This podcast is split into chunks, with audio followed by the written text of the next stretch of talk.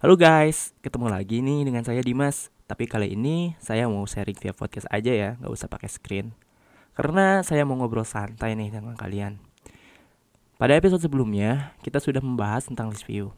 Ya, salah satu komponen Android yang berguna untuk menampilkan data dalam berupa list. So, mungkin kalian dalam mencoba menerapkan komen tersebut, ada yang mendapati error. Ya kan?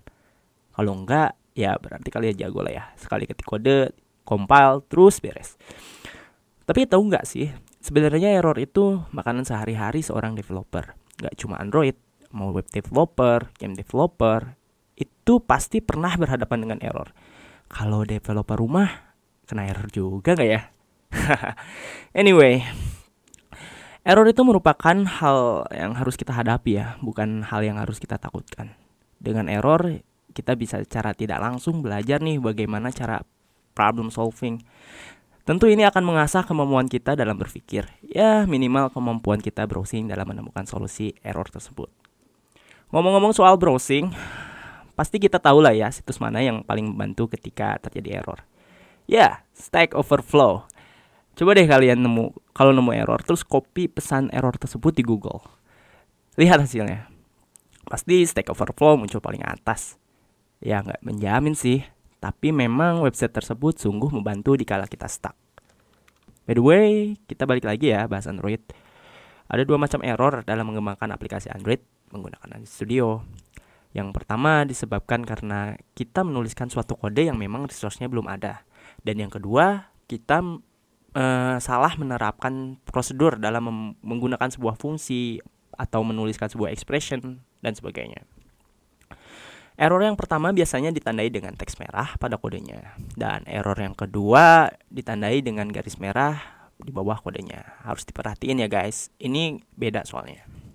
Untung lah ya kita sebagai Android developer dibantu dengan kecanggihan IDE tercinta Android Studio. Nah, IDE ini sakti banget ya, terutama fitur quick quick fix errornya.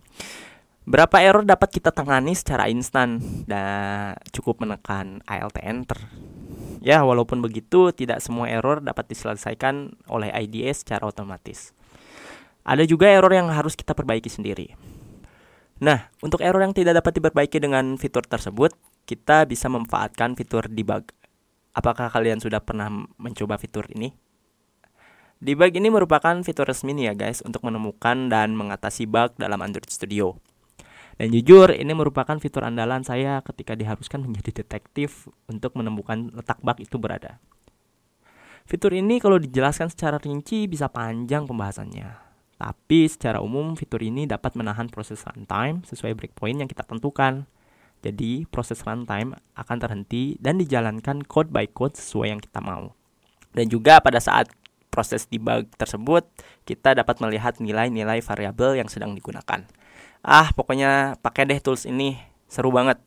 Kalian harus coba kalau belum pernah. Nanti saya akan kasih link referensi lengkap mengenai fitur ini di kolom description ya.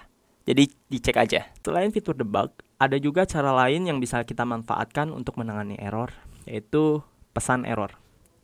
Ya pesan error ini biasanya berada pada loket ya. Ini biasanya kalau kita mengalami aplikasi crash dalam proses runtime dan di loket itu biasanya kelihatan error apa yang menyebabkan aplikasi kita crash. Biasanya pesan yang penting diawali dengan kata caused by bla bla bla. Nah, kalau kalian mau browsing, copy pesannya mulai dari situ aja sampai akhir kalimatnya. Dan lagi-lagi karena ide kita canggih ya, eh, sorry bukan ide IDE kita canggih, biasanya terdapat tulisan seperti link yang merujuk pada bagian kode yang error. Hal ini sungguh sangat membantu kita dalam menemukan sumber masalahnya. Dan yang terakhir nih guys, jika kalian benar-benar sudah tidak bisa menyelesaikannya dengan sendiri, uh, cobalah berbagi permasalahannya pada forum diskusi. Gak harus di coding kok, banyak forum lain yang dapat Anda manfaatkan, entah itu di forum Facebook, grup Telegram. Uh, kalau WhatsApp boleh lah ya, kalau memang isinya para developer semua di situ. Dan yang paling penting, jangan lupa jika kalian ingin bertanya, gunakan bahasa yang santun dan jelaskan permasalahannya secara rinci. Lebih baik jika kalian menjelaskan kronologinya. Dan jangan lupa untuk melampirkan kode yang Anda tulis. Jangan difoto ya guys. Uh, cara terbaik untuk melampirkan kode ya bagikan kode tersebut pada GitHub atau bin lah minimal. Ya tujuan sih agar kode yang dilampirkan terlihat jelas dan tidak terpotong. Begitu pula jika kalian ingin bertanya pada forum Academy Discussion yang ada di Made ini ya. Jangan lupa untuk baca post rule discussion yang dipin pada halaman diskusi. Oke, sekian dulu ya guys. Sampai ketemu lagi di episode selanjutnya. Kita akan membahas topik yang lebih seru nih, yaitu testing dan desain pattern. Tetap semangat belajar Android ya. Bye-bye.